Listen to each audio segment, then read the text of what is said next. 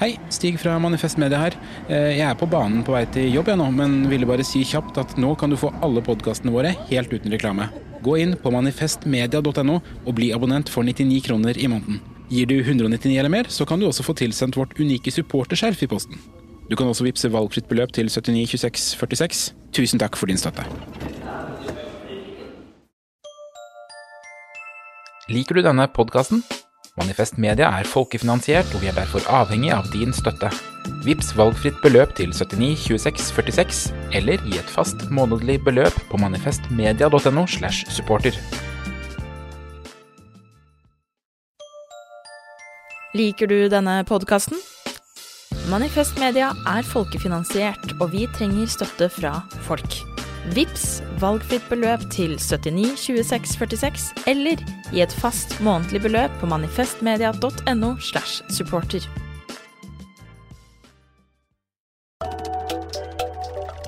Økotrim med Linn Stalsberg og Kalle Mone. Velkommen tilbake til Økotrim. Og jeg håper alle dere som hører på har tøyd ut og restituert godt etter forrige episode. For i dag skal vi ut i alternative økonomiske teorier. I det øyeblikket vi sier at noe er alternativt, så må det bety at noe annet er normativt. Og det normative det er kanskje liksom den vanlige økonomiske modellen, da, så å si, som de fleste studenter lærer i dag. Og som er den samme man lener seg på, enten man er politiker eller jobber i byråkratiet. Å ønske en alternativ økonomisk modell, det betyr altså at man ikke bare vil lage nye regler i den sporten som fins, man vil oppfinne en helt ny idrett. Og i den idretten skal vi foreta dagens trimøvelse. Vi vet fra forrige episode at økonomi er et samfunnsfag og ikke et naturfag. Eh, Og Det betyr at det som skjer i faget er helt menneskeskapt, og at økonomer som alle andre mener ulikt. Vil ulike ting med samfunnet og stemmer på helt ulike partier når det er valg. Jeg håper at eh, kunnskapen om at det er sånn, gir deg som hører på, selvtillit til å være uenig med en økonom, og stille utfordrende og radikale spørsmål, enten det er i en debatt eller rundt middagsbordet. I dag skal vi snakke om alternative økonomiske modeller. Eh, Og som sist så deler vi podkasten opp i tre deler. I del én skal vi finne ut hva som er den vanlige økonomiske modellen, hvis vi kan si noe sånt. I del to skal vi snakke om Sovjet pluss pluss. Og i del tre skal vi snakke om endring som ikke skjer, og hvorfor gjør den ikke det. Hei, Kalle. Hei. Hva er egentlig dagens system, Kalle? Altså De aller fleste land i verden har en kapitalistisk markedsøkonomi der en eh, klasse eier produksjonsmidlene. eh, Vi kaller de som regel for kapitaleiere eller kapitalister. Og der eh, en stor gruppe, arbeidstakerne, er folk som selger sin arbeidskraft som lønnsarbeid. Det er liksom grunnlaget for produksjonen. Men så vil jo dette være komplem- det, det vil, I tillegg vil det være ordninger som støtter opp under, eller eventuelt leder til motmakt mot den konsentrasjonen av makt som det vil være til kapitaleierne her. Eh, og det vil være ulike grad av fagforeninger i en sånn økonomi. Det vil være ulik grad av sjenerøsitet til velferdsstaten. Og disse tingene er ikke små ting. Det betyr enormt mye for livene til folk. Det betyr enormt mye for måten den kapitalistiske økonomien virker på. Så derfor eh, er det en stor variasjon fra la oss si USA på den ene siden til Sverige på den andre. Dette var jo modellen som Karl Marx beskrev eh, og var kritisk til, ikke sant? Eh, hadde han poenger som står ved lag i dag? Han hadde i hvert fall poenger eh, som eh, det er kanskje ikke alle de poengene som framheves mest tydelig i, populærdebatten om Marx som er, de dypeste innsiktene som Marx hadde. Han var ikke alene om dette. altså jeg finner nesten likedan beskrivelse hos eh, Adam Smith, David, David Ricardo. David Ricardo ble etterfulgt av en gruppe som blir kalt for rikardianske sosialister, og Karl Marx er en av de. Eh, så det liksom ikke Det er ikke noe sånn eh, denne store Karl Marx på den ene siden, og så alle andre tullinger eh, gruppert et annet sted. Dette er mer felles oppfatninger. John Stuart Mill, f.eks., som lever samtidig med Marx, har beskrivelser som kan minne om systembeskrivelser som kan minne om det Marx har. Men Marx er mye mer systematisk og har andre teorier i tillegg, men det kan vi komme fram til. Det kan vi ta, komme tilbake til senere. Eh, går det an å si noe sånt som at det finnes en vanlig og normativ økonomisk modell? Altså all den tid vi snakker om alternative økonomier, så må det jo finnes noe som er normativt, eller hvordan er det? Uh, ingenting er normativt i, i uh i kraft av seg sjøl. Det må jo være normativt i tråd med noe mer grunnleggende prinsipper for hva som er godt og hva som er dårlig. Uh, og uh, det er vel uh, en viss konsensus innenfor økonomi som fag at en, en, rimelig markedsorientering er fornuftig, og en viss desentralisering er fornuftig. men så stopper nok konsensusen. Men det er ikke noe stor uenighet om at det er interessant å se på forskjellige varianter av disse tingene, bortsett fra de som er veldig sterkt ideologisk forplantet til. Men hvis man ser for seg når disse statslederne og andre næringstopper møtes f.eks. i World um, Economic Forum da, mm -hmm. og skal diskutere internasjonal handel og politikk, ja. så får man jo inntrykk av at de er liksom nokså enige om et eller annet fundament. Altså Det er jo ikke så mange der som sier nå må vi ha borgerlønn, nå må vi skatte de rike 90% altså som kommer med nå må vi sette naturen først og alt annet. Altså Det virker jo som man liksom diskuterer innenfor ganske faste rammer. Ja, det er helt riktig. Nå er det et veldig spesielt utvalg som kommer på uh, World Economic Forum. De kommer som regel i egne privatfly, er veldig opptatt av fordelingsspørsmål og miljø, men ingen, de har ikke en atferd som virker troverdig i forhold til det de sier. Så Det er jo litt lurt å minne seg om at dette er noen av de mektigste, rikeste og mest forurensende deler av, av jordens befolkning som skal bry seg på våre uh, alles vegne. Så Vi burde jo latterliggjøre det litt mer, for det, det, er, det er så lite representativt. Men hvem er det som har mest makt, da? Er det disse privatflyene i i dette møtet her, eller er det I noen saker er det nok dessverre riktig det som du antyder, at, at uh, det er de med de mest ressurser som bestemmer. Men du må huske at FN kan ha og kan ha makt i noen saker, på godt og vondt. Eh, så vi må ikke glemme at FN er en, fremdeles en vikt, veldig viktig organisasjon. Men World Economic Forum er på en måte konkurrent til eh, FN, og de har mer direkte ressurser. Jeg snakker om F.eks. i World Economic Forum så snakker han om å avskaffe verdens fattigdom. Det hadde jo hjulpet veldig bare å dele formuen til de som var der.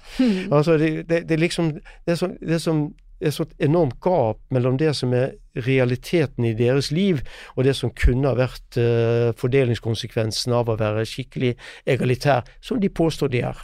Men hvis jeg kom fra en annen planet ned på jorda, og så møtte jeg representanter fra FN og World Economic Forum i samme rom, ville de presentere for meg to veldig ulike økonomiske system? Er ikke de også i det store og hele Er ikke det samme de systemet de benytter seg av? Eh, litt vil det, vil det være sånn, men det, jeg tror det er større variasjon innenfor, eh, innenfor FN-systemet enn innenfor World Economic Forum. Mm. Men, eh, men, det er jo ikke alltid en skal høre etter hva folk sier, en skal se hva de gjør. Mm.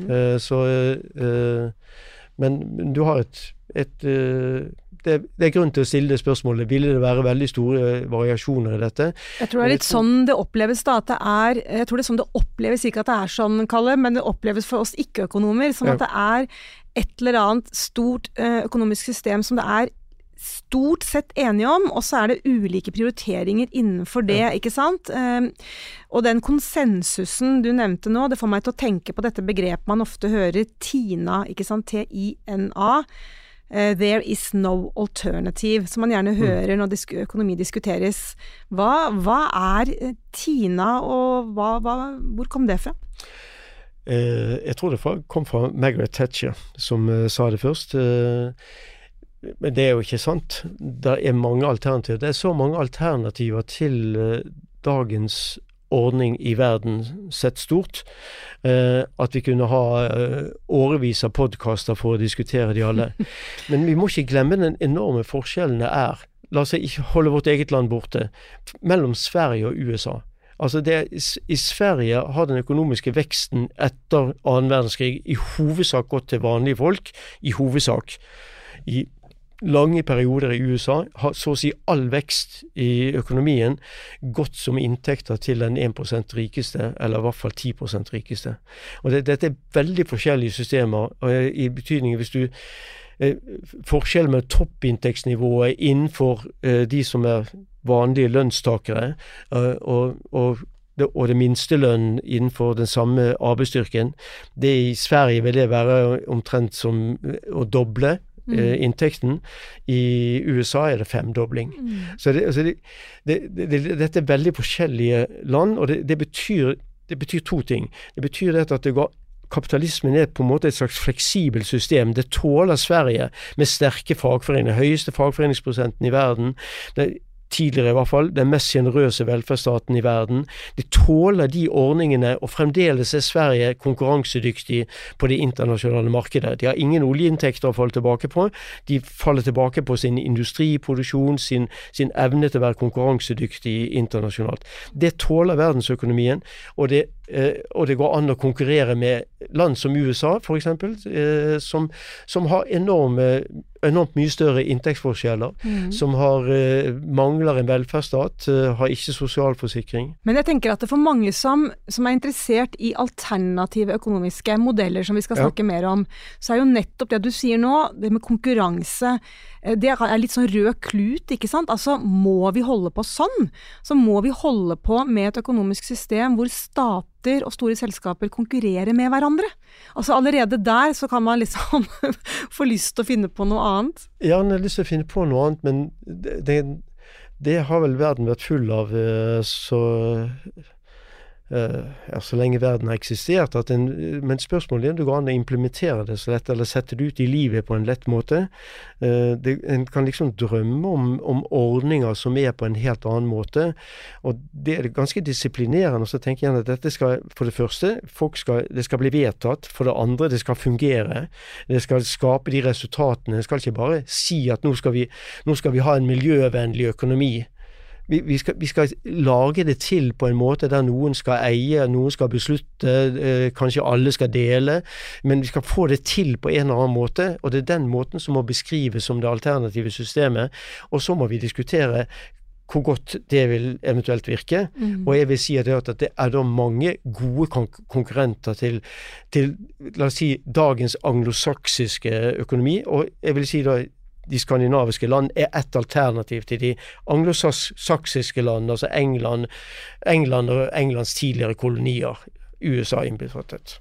Vi skal i del to snakke mer om eh, alternativene, altså andre samfunnsmodeller, som du nå hinter om at eh, kanskje ikke er så gjennomtenkte enda, at vi kan implementere dem fra en dag til den andre. Er det en riktig utgang fra del én? Ja, det høres fornuftig ut jeg, jeg syns av og til at folk um, Det er akkurat som de antar resultatet. De beskriver modellen ved resultatene de skal ha, men de beskriver ikke modellen med hvordan den skal organiseres, hvordan folk skal opptre osv. Så, videre. så jeg tror det er et riktig startpunkt.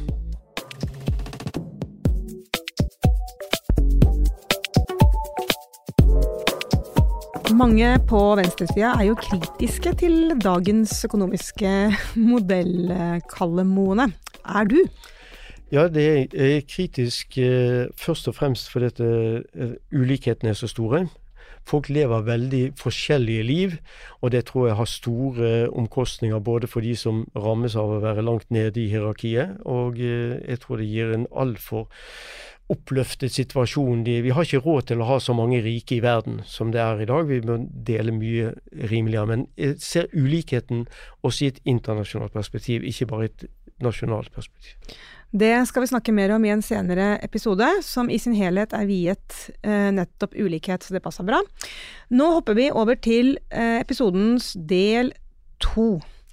Um, og der skal vi snakke litt om alternative modeller. Og for meg så er det sånn at når jeg er ute i verden og holder foredrag eller snakker om noen bøker jeg har skrevet eller noe sånt, uh, hvor jeg kanskje da er nettopp litt kritisk til dagens uh, system, av samme årsak som deg, blant annet, så får jeg ofte, og det skjer ikke sjelden, spørsmål fra salen, eller kritikk fra salen som er sånn uh, Ja, så du vil ha Sovjet, du da?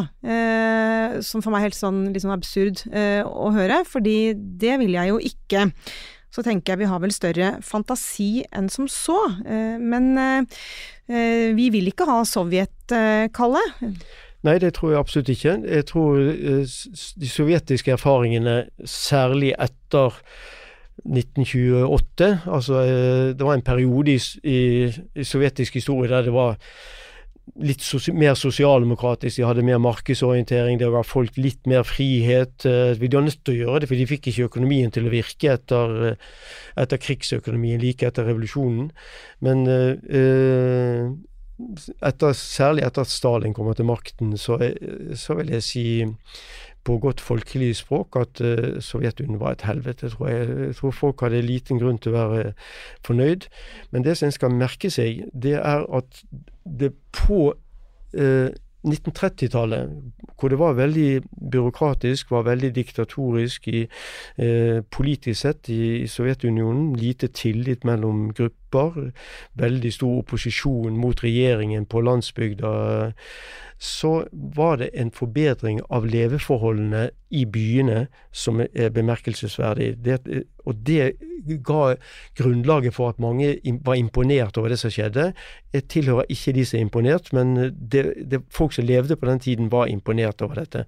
Den kom den forbedringen i leveforholdene i byene kom av at mange flyttet fra landsbygda, som hadde, var, hadde veldig dårlige levekår, inn til byene. Så selv om det i, og for seg ikke var så stor forbedring for de som hadde bodd i byene hele tiden, så var det en stor forbedring ved at så mange og store grupper flyttet fra fattige eh, strøk og inn til uh, rikere byer. Rikere, ikke nødvendigvis rike, men rikere byer.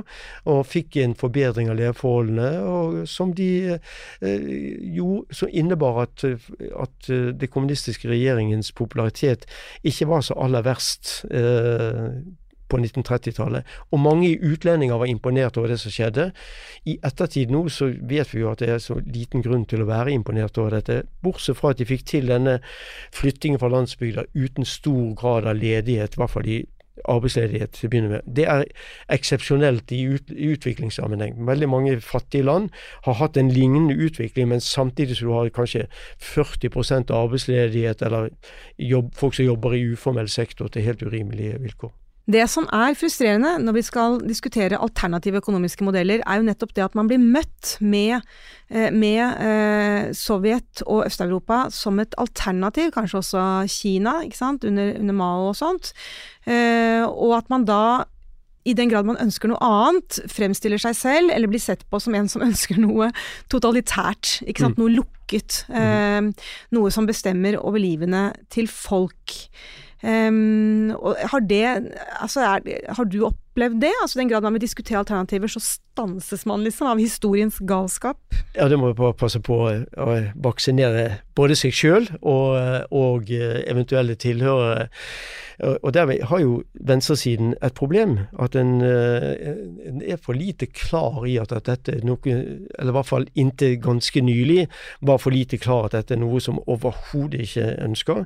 En ønsker demokrati, en ønsker politisk konkurranse, en ønsker fri organisasjonsrett, en ønsker fri ytringsrett, eller rett til å ytre seg, en ønsker alle disse tingene som vi tar som selvsagtheter, som ble begrenset kraftig, for å si det forsiktig, både i Sovjetunionen og i Kina. Så det, det, det eh, det er både et økonomisk system som ikke fungerte, og det er også et politisk system som ikke, førte, eh, ikke fungerte. Folk følte seg ikke trygge. De, det samme skjer fortsatt i Kina. så det, du kan ikke si hva du vil i Kina, selvfølgelig.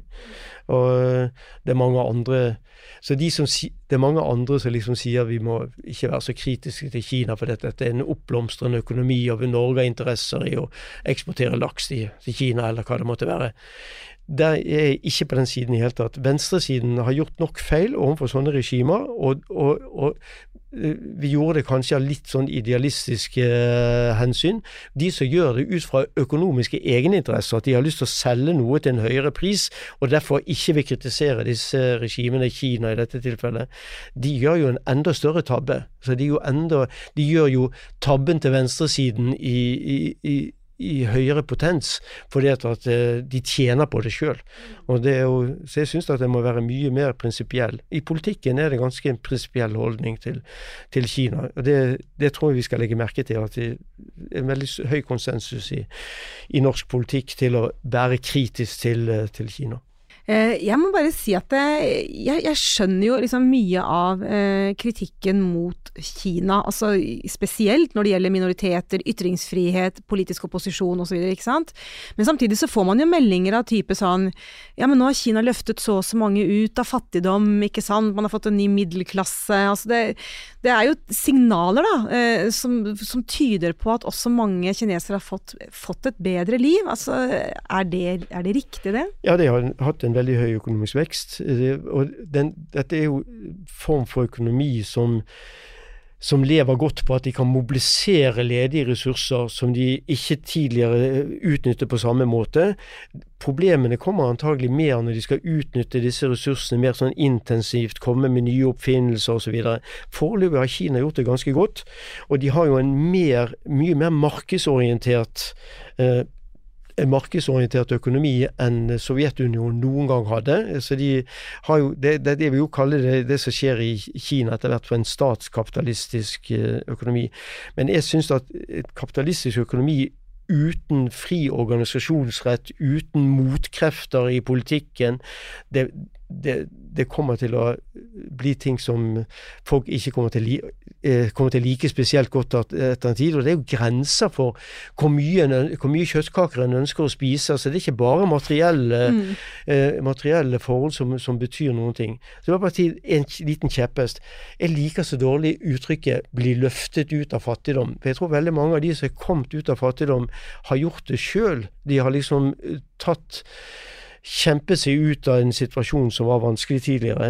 Nå har kinesiske myndigheter igjen lagt forholdene til rette for at iallfall de som kommer inn til byene, får leveforhold som det går an å, mm. å, leve med. Men det er jo masse fattigdom igjen på landsbygda i, i, i Kina. Mm. Mange landsbygder i Kina har et manneoverskudd. Eh, som eh, de unge menn uten utdanning får ikke kjærester, får ikke sex. Dette er en oppskrift til en makroøkonomisk eh, katastrofe der du får eh, konflikter på landsbygdene, tror jeg. altså. Dette er jo samme diskusjoner vi kjenner igjen også litt ja. her, her, hjemmefra, faktisk. Eh, uten at jeg som kvinne føler mm. spesielt ansvar for det. eh, man hører jo ofte sånne argumenter om at, eh, at kapitalisme er en, en, garantist for demokrati, og det har vi da nå slått fast at det ikke nødvendigvis er. Men hvis vi skal utvide demokratiet, eh, Kalle, så kan vi også gjøre det via arbeidsplasser. Og du har jo vært opptatt av ting som, som, vi ikke hører så mye om, som arbeiderstyrte bedrifter. Ja. Er ikke det en sånn kontrast da, til kapitalismen? Jo, og det er også en fleksibel ordning som du kan ha Du trenger ikke ha 100% eh, arbeiderstyrte bedrifter, hadde jeg nær sagt. Arbeiderstyrte bedrifter, bare si hva det er. Det, det betyr at de som jobber i bedriften, eh, eier deler kanskje aller helst hele bedriften uh, i, i, fellesskap. Det betyr at, at de har knyttet noe av sparepengene sine i den bedriften de jobber. Det kan være litt risikabelt, men eh, slik er det. Så Derfor bør en tenke på hvilke ordninger en skulle ha i tillegg, hvis en hadde en økonomi basert på dette. Er dette bare noe utopisk, noe som en drømmer om? Uh, i godt lag. Eh, det er det ikke. Det er mange flere slike bedrifter enn folk vet om. For eksempel så er det Mondragon-kooperativene, som de noen gang kalles, i den baskiske provinsen i Spania. Det er eh, bedrifter som ble opprettet eh, på midten av 1950-tallet og har ekspandert. Da var det bare én bedrift som ble startet. Det har ekspandert enormt siden 1950-tallet. Eh, de har regler Jeg har vært på besøk der flere ganger. De har regler for hvor mange, hvor mange medlemmer det skal være i hver bedrift. Tidligere hadde dette ingen bedrifter skulle være større enn 700 medlemmer. Hvis de ekspanderte utover dette, så var det gjennom knopp knoppskyting. Mm. Dette, var, uh, dette, er bedrifter som mange av de er lokalisert rundt en landsby som heter Mondragon, som ligger uh, ikke så langt fra San Sebastian, altså den store badebyen San Sebastian på grensen til Frankrike. Uh, det er Eh, veldig fine bedrifter. De eh, har veldig jevn inntektsfordeling innad i bedriftene. Eh, de har deltakende demokrati, de velger sin egen ledelse. Men ellers er det som vanlige folk. Men det er nettopp det at dette her fremstår jo som et alternativ. Det er noe jeg aldri har hørt om engang, det du beskriver nå. Eh, og selv er jeg medlem av Bilkollektivet, som jo er nettopp det du beskriver. ikke sant? Det er et kollektiv av oss som eier masse biler sammen. Og det er ingen sjef eller ikke noe profitt. Men hvis jeg vil gründe noe og går til Innovasjon Norge eller lignende instans for å få hjelp, så vil jo de neppe sende meg inn i ideen arbeiderstyrte foreldre. Eh, arbeiderstyrte bedrifter, ikke sant? At det er noe annet som gjelder, da, i det store og hele. Ja, det er klart, og derfor så bør det jo diskuteres mer alternativer. Det har jo vært diskutert litt eh, på og av. Eh, F.eks. Finansforbundet tror jeg er mye mer engasjert i dette enn enn noe annen fagforening jeg har sett. Eh, så de er veldig engasjert i ordninger. Dette kan jo Det trenger ikke være hele bedriften, men kanskje det burde være det. Men det trenger ikke være det. Det kan finnes ordninger som Eh, som har en slags blandet eierskap. Jeg bare ta USA. I USA er det flere som eh, eier helt eller delvis den bedriften de jobber i, enn det fagorganiserte. Det, men det sier kanskje noe om graden av fagorganiserte Ja, men det er tross alt 15 også. millioner fagorganiserte i USA. Så det betyr at det er 15, mer enn 15 millioner uh, medarbeidereiere i, for, i, forskjellige variasjoner. Noen har bare liksom mini, uh, en mini-aksjepost i den selskapet de jobber i, uh, og noen har mye større posisjoner i det. Det var skattelette i forbindelse med etablering av slike eierforhold i, i USA. Det såkalte Employment Stock Ownership Plans, eh, også kalt ESOP, eh, i, i, eh, i, i USA. Og det har, noe lignende vært diskutert noen ganger i Skandinavia, men som regel har det liksom vært Fagbevegelsen er litt skeptisk til denne type bedrifter. Eh, og jeg tror det er den viktigste grunnen til at, at, vi høyst sannsynlig har veldig få, sammenlignet med alle andre land. Men dette er jo ikke en sånn helhetlig alternativ økonomisk modell. Dette er jo sånn flikk liksom demokratisk utvidelse innenfor det kapitalistiske systemet som finnes? Ja, for meg er det et alternativ. Uh, og jeg tror, at, jeg tror, at, mange som tenker alternativ, at de, de vil ha alternativ på alle områder. Også de områdene som, der kapitalismen tilbyr noe som er bra f.eks. en markedsøkonomi der folk har lik, noenlunde lik inntekt, det fungerer jo veldig godt. Det er en, ube, u, det er en eh, ubyråkratisk eh, form for representativt demokrati. Alle har noenlunde samme inntekt, og de stemmer gjennom sine markedsetterspørsel i, i, når de er uh, ute og handler. Så stemmer de for hva bedriftene skal, skal kjøpe. Det er den mest direkte innflytelsen du kan tenke deg. Det, men det er klart at når du har en veldig stor grad av ulikhet innenfor en markedsøkonomi, så er det akkurat som du har gjort, innført helt særegne stemmeregler. At de som er rike, de kan, de kan stemme for tusengangen fra det som en, en vanlig lønnstaker. Mm mm. eh, kan stemme for. Så derfor, så derfor en, en, god økonomi, sånn som jeg ser det, vil selvfølgelig ha tilgang til markedet. Det skal være klubber, barer, mm.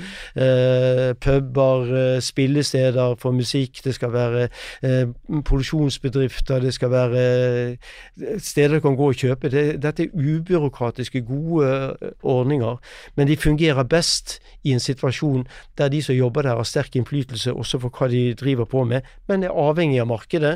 Eh, og der de deler overskudd i, i bedriftene mellom seg. Men, men sant, dette er jo sånn vel og bra uh, for enkeltpersonen, for arbeideren, kanskje for lokalsamfunnet, men vi står jo, det står jo større ting på spill i vår verden i dag, ikke sant, som brenner under beina våre. Eh, natur, klima, miljø, selvfølgelig. Og da kommer det jo sånne ideer på bordet som økologisk økonomi, sirkulær økonomi, bærekraftig økonomi. Vi har jo ikke tid til å gå inn i hver av dem nå, men tenker du at dette bare er sånne utopier som, som ikke lar seg gjennomføre enda? Jeg tror de noe av dette kan gjennomføres, men jeg syns at svakheten i folk som argumenterer for den type ordninger, det er at de tenker ikke helt hvordan det skal settes ut i livet. I hvert fall ikke fullt og helt uh, ennå. Men, men uh, det kan komme, og det, det, er jo veldig viktig å få en, en god diskusjon om dette. Og det, det, går jo an å bruke noe skatter og avgifter til å stimulere på, på noen enkle områder det er en tendens til at, at, folk som er opptatt av alternative økonomiske systemer, at de beskriver systemet med de resultatene de ønsker at det systemet skal ha, men de sier ikke i seg sjøl alltid, i hvert fall, hvordan det systemet skal innrettes, hvordan det skal opprettholdes over tid, hvordan demokratiet skal være med å støtte dette, disse ordningene. Så der, der, er det mye igjen å, å, å diskutere hvordan eventuelle alternative ordninger skal være. Jeg tror alle gode ordninger tror jeg vil være som et supplement eller en, en, motmakt mot de eksisterende forhold.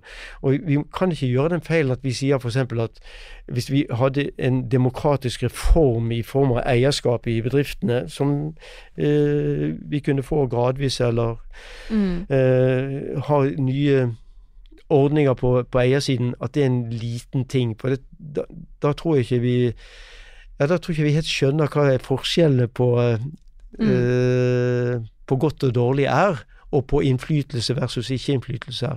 Jeg tror det er veldig stor forskjell på eh, å være medlem av et kooperativ i Mondragon, og det, det er 100 000 arbeidere som har erfaring fra å jobbe i sånne bedrifter mm. i Mondragon-kooperativene. De har sin egen bank, de har sin, de har sin egen tekniske skole, de, de, har sine egne forsikringsordninger innad i gruppen osv. Mm. Jeg, tror, eh, jeg tror at dette er mye mer alternativt enn enn uh, bare en liten pynting på systemet. Da avslutter vi del to av programmet med å konkludere på denne måten at bedre med én arbeiderstyrt bedrift i hånda enn ti sirkulærøkonomier på taket. Jeg vet ikke om jeg vil støtte, støtte det. Jeg vil gjerne ha mye mer sirkulær økonomi og sånt, for jeg liker beskrivelsen av det de ønsker å oppnå. Men jeg syns det er viktig å få til ordninger som er eh, robuste og mulige å sette ut i livet. Og, og der er det mye igjen å diskutere.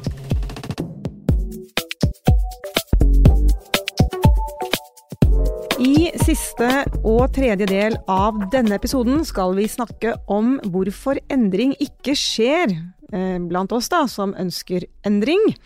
Um, og politisk makt igjen, som kanskje hindrer eller bidrar. Det kommer litt an på hva slags politikk man velger seg. Um, du snakker om disse kooperativene i Spania, Kalle, og de høres jo ut som sånne små idealstater. Uh, jeg fikk i hvert fall lyst til å være en del av det. Men uh, jeg har jo ikke hørt om dem. Uh, og hvorfor kan vi ikke bare gjøre som dem, da? Ja, det har jo sikkert noen prøvd litt i praksis uten å få det så godt til. Eller de har lykkes, og så har vi ikke hørt om de. Det er ikke, det er ikke sånn som en skriver om i avisen. Det er f.eks. ingen offentlig statistikk over eierformer i Norge.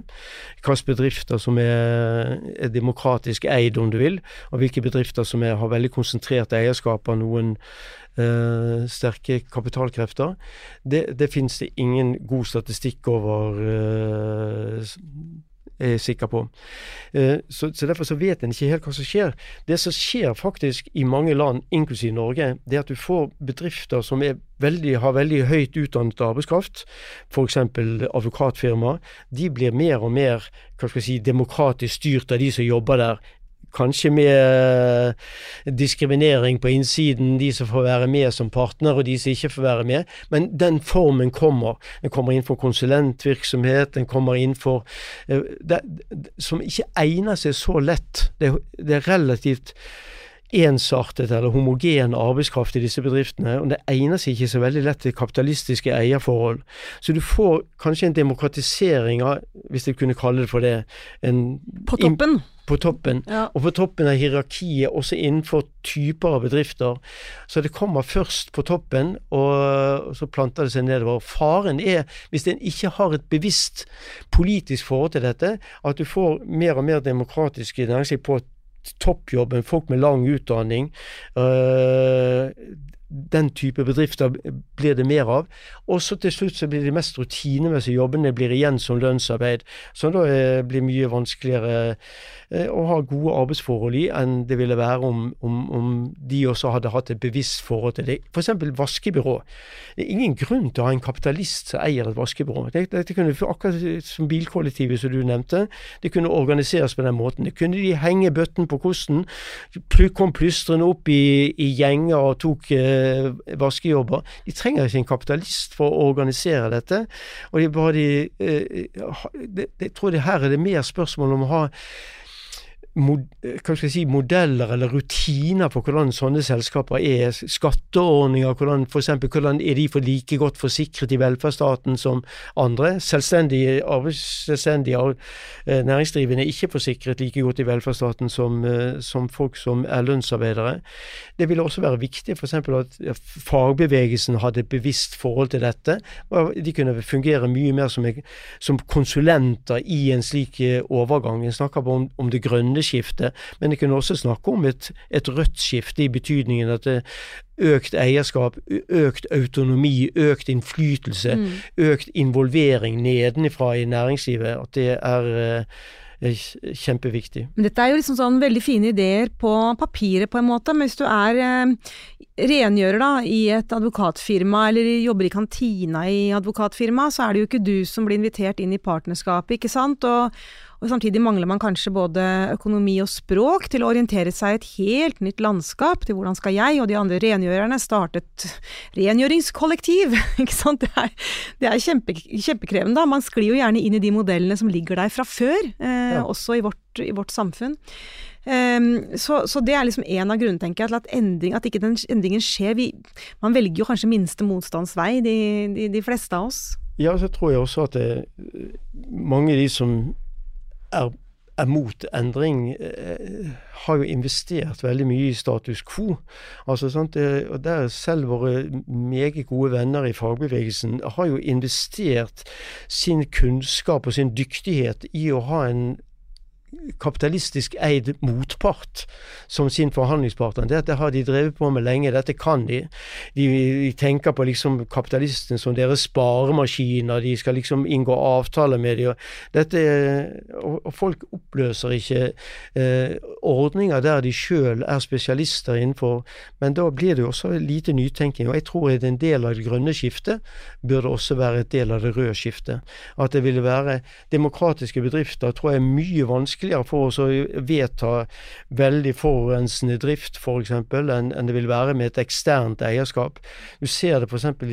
Du reiser rundt i Mondragon-områdene. så På lang avstand kan jeg se om dette er en arbeidereid bedrift eller om det er en tradisjonell kapitalistisk bedrift. For det er rett og slett finere utenfor den bedriften enn det er utenfor den mm. kapitalistiske. Ryddigere. De liker å ha det. Dette er en del av deres nærmiljø. Men det er også en del av deres sosiale ansvar. Og jeg tror at det sosiale ansvaret for næringslivets drift blir større når den forankres bredere i, bredere i en gruppe av eiere som sjøl er de som uh, uh, jobber i bedriften. Mm. Og dette, jeg sier ikke at dette kommer neste år, men et, uh, hvis vi kunne treffes igjen på samme sted om 100 år, så er jeg nokså sikker på at det vil være du, den dominerende Det gjør vi, Kalle! vi det, det, er jeg nokså sikker på at det vil være den dominerende eierformen. For dette er ting som det er, det, det, Kapital er ikke i samme grad en knapphet i rike land. Men arbeidskraft, kunnskap, menneskelig arbeidskraft, det vil bli en knappere og knappere ressurs. Og den som er den knappe ressursen, bør også ha makten. Det, og sånn var det kapitalismen ble til. Kapitalen var den knappe ressursen, det var det som trengtes. Det var overflod på arbeidskraft, og de var villige til å konkurrere mot hverandre og hva, så, som helst før de fikk organisert seg i fagforeninger osv. Men no, situasjonen er nå en annen. De rike land har har mye kapital, de har godt utbygget kredittmarkeder, kapitalmarkeder og sånn. de trenger ikke i samme grad en kapitalist til å drive disse tingene. Dette går an å ha i grupper og kollektiver og sånt. Kanskje noen ganger med en blandet eierform, andre ganger med en helt dominerende medarbeidereid uh, selskap. Men det her høres jo ikke sant, innmari fint ut. Jeg merker mens du snakker at det, det høres også logisk ut, ikke sant. Eh, men det som faktisk ser ut til å skje, er jo ikke dette dette. Altså, de store selskapene vokser, monopolene blir større, finanskapitalen får mye makt. Så, og da, da, blir man også litt sånn frustrert over hvor, hvor stopper dette, disse tiltakene hen. Og hvis jeg forsto deg riktig, eh, så er det ikke bare hos kapitalistene det stopper, men at også kanskje at fagbevegelsen kunne vært ja, mer fremoverlente på dette? Du, du forsto meg helt rett. mm. uh, det, jeg tror det er veldig viktig, veldig vanskelig for enhver sosial reform i vår del av verden å gjennomføre noe som helst, med mindre du har eh, fagbevegelsen på din side. Og det jeg syns det er en styrke, men da er det viktig også at fagbevegelsen er åpne for uh, andre ideer. Det er godt mulig at det jeg sier nå, at det ikke er en god idé, men da må det i hvert fall være mer større vilje til å diskutere det. Det samme gjelder for sånne ting som grunninntekt til alle, altså det som ofte feilaktig blir kalt for borgerlønn, som er et dårlig navn. Det er ikke reservert til borgere, og det er ikke lønn. Altså det er, det er til alle, og det er grunninntekt til alle. Det vil være en, en god et godt gulv å stå på for alle. Eh, og, og vi, vi, har jo indirekte gjennom velferdsstaten, men, men, ofte gjennom veldig kompliserte og, og, i mange tilfeller nedverdigende former. At du, du, liksom ber om ting. Du skal testes om du er eh, om du er verdig til å være en av de mottakerne av dette. En situasjon med, med grunninntekt til alle ville være en situasjon som eh, avskaffet noen av, av disse ordningene. Ikke nødvendigvis alle. Eh, og så ville det ikke være slik at vi skulle avskaffe velferdsstaten. Det ville berike velferdsstaten med at under dette faller du aldri. Eh, og det kunne være en inntekt f.eks. på en, eh, 100 000 i året eller noe sånt, den, den størrelsesorden som, eh, som, ikke går an å leve på alene. Da må mm. du ha, enten ha andre trygdeordninger i tillegg, eller aller helst annen inntektsgivende virksomhet uh, ved siden av at du hadde en grunninntekt, f.eks. i medarbeiderbedrifter. Men hva er det som hindrer en innføring av borgerlønn, eller, eller grunninntekt, som jeg har lært at det heter nå? Ja. Eh, er det, hvor er det det stopper hen, liksom? Er det hos politikerne, er det næringslivet, er det en sånn usagt eh, ideologi som vi alle svømmer rundt i, som får det til å høres ufornuftig ut? En kombinasjon av det du sier, tror jeg, som er, er svaret. Mm. Eh, dette er igjen en kjempegammel idé blant sosiale reformatorer, om du vil 200 eh, år, 250 år gammel eller noe sånt. Mm. Uh, og for det første så går det an å, å tenke på dette at det, det, skal være på en måte ordnet gjennom å skattlegge ting vi ønsker å ha mindre av. F.eks. For forurensning, utslipp, skadelig utslipp osv. Knytte en reform til at vi, skad, skattlegger det vi vil ha mindre av, og så subsidierer du eller gir inntekt til det vi har mer av, sosial trygghet, en grunninntekt i samfunnet. For det første vil det øke populariteten til, til sånne ordninger med en gang en ser at det er innført av det. Og det vil også øke populariteten til f.eks. mer grønne skatter. For vi ser jo nå at dette motsvares jo direkte av grunninntekt til alle i samfunnet. Og Du kunne også knytte denne grunninntekten til størrelsen på uh, uh, samlet inntekt i, i f.eks. i Norge, sånn at når det blir bedre tider, så regulerte du automatisk eh, eh, grunninntekten, sånn at det ikke måtte hele tiden reforhandles. Eh, hvorfor blir det likevel ikke så lett av her? Jo, det har noe med at, at det er for mange som har ulike holdninger til disse tingene. De ønsker de ønsker innføring. Noen ønsker, og i dette tilfellet riktig navn, borgerlønn fordi de ønsker å avskaffe velferdsstaten. De vil at borgerlønn skal være istedenfor en velferdsstat. Noen vil, som jeg sjøl vil tenke på å tilhøre, det er folk som ønsker å supplere velferdsstaten med en, en sånn, et sånt gulv som alle skal stå på. Mm. Men det er klart når det er så forskjellig utgangspunkt i begrunnelsen for en vil så forskjellige ting med reformene, da er det vanskelig å bli enige om det. I tillegg så har igjen fagbevegelsen vært uh, skeptiske, og de har en de vil, har jo også en egeninteresse i at, at den viktigste inntekten i folks liv skal være inntekt som de forhandler fram mm. i, gjennom sin makt i, i, i lønnsdannelsen osv. Så, videre. så hele eh, prinsippet om såkalt arbeidslinje eh, strider litt mot å ha en sånn grunninntekt i samfunnet. Mm. Men ikke etter min bok, men etter fagbevegelsens bok. Men hvis jeg liksom tolker alt du sier, eh, sånn som jeg syns jeg hører deg, så så hører jeg at du har, eller du tenker at eh, vi kan med s- og annet virkemiddel, grunninntekt, arbeidsstyrte bedrifter, så kan vi endre verden til det bedre, inkludert mot et grønt skifte. Eh, og det står jo litt i kontrast til, og jeg kommer stadig tilbake til det her, fordi at eh, klimautfordringene og naturkatastrofen er så vanvittig stor at det kjennes litt sånn utbildbart. Må vi ikke gjøre noe mer, liksom? Ja, ja, det er klart, men det har ikke du spurt om. Så, så det er klart at vi gjør, det skal vi komme inn på i, i senere podkaster, håper jeg.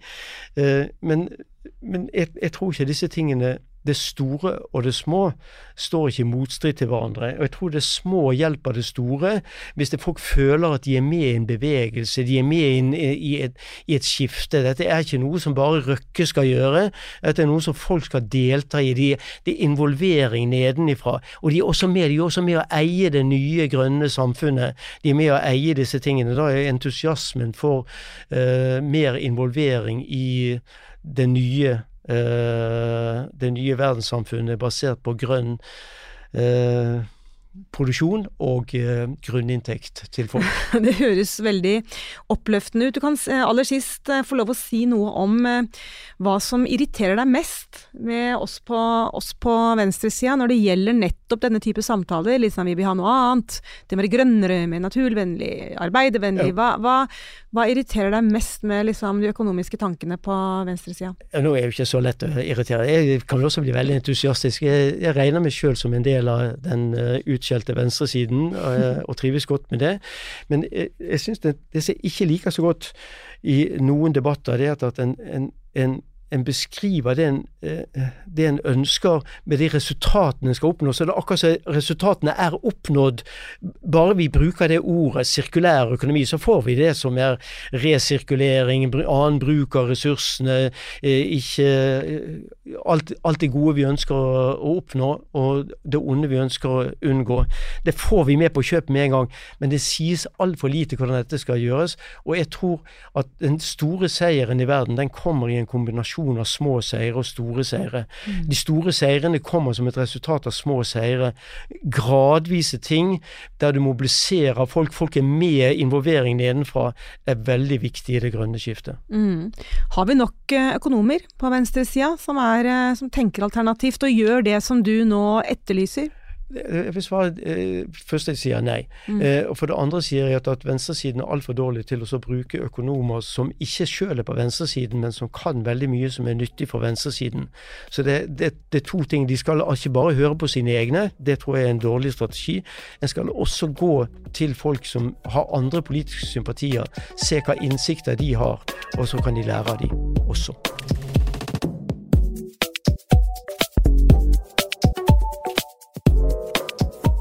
Det jeg tenker at vi skal ta med oss fra denne episoden, er følgende tre ting. Punkt én. Man trenger ikke å endre et helt økonomisk system fra en dag til den andre dersom man ønsker en annen og bedre verden. Det kan være en idé å begynne med små grep innenfra, som f.eks. arbeiderstyrte bedrifter. eh, Og at det kan gi alle som ønsker strukturendringen, eierskap til endringen. Og at vi via ad omveier kanskje kommer dit vi vil til slutt, eh, inn i en mer bærekraftig økonomi. Jeg lærte også at det fins et sted i Spania jeg aldri hadde hørt om, så jeg fikk veldig lyst til å flytte til, for det hørtes idyllisk og lærerikt ut. Kan det kanskje bli en ferietur når krona styrker seg? Og jeg lærte at det er ikke bare kapitalistene, nødvendigvis, men også, mente Kalle, fagforeninger som står i veien for endring i organisasjonsstrukturen, altså at vi kan få fler arbeiderstyrte kollektiver, f.eks. At disse to, på ulike måter, da, eh, og sikkert med forskjellig motivasjon, forsvarer å bli stående i status quo. I neste episode så tar vi alt eh, videre. Vi skal snakke om ulikhet. Hva det gjør med både samfunn og individ. Hva betyr det egentlig at ulikheten øker, både i nabolagene våre og mellom land i verden? Det jeg også lurer på, er at hvis vi ikke klarer å hindre at ulikheten øker, kan den liksom bare øke og øke og øke, sånn at vi sitter om 100 år med enda færre, men rikere og mektigere folk, og enda flere brutalt fattige mennesker i verden, og i så fall hva slags verden er det?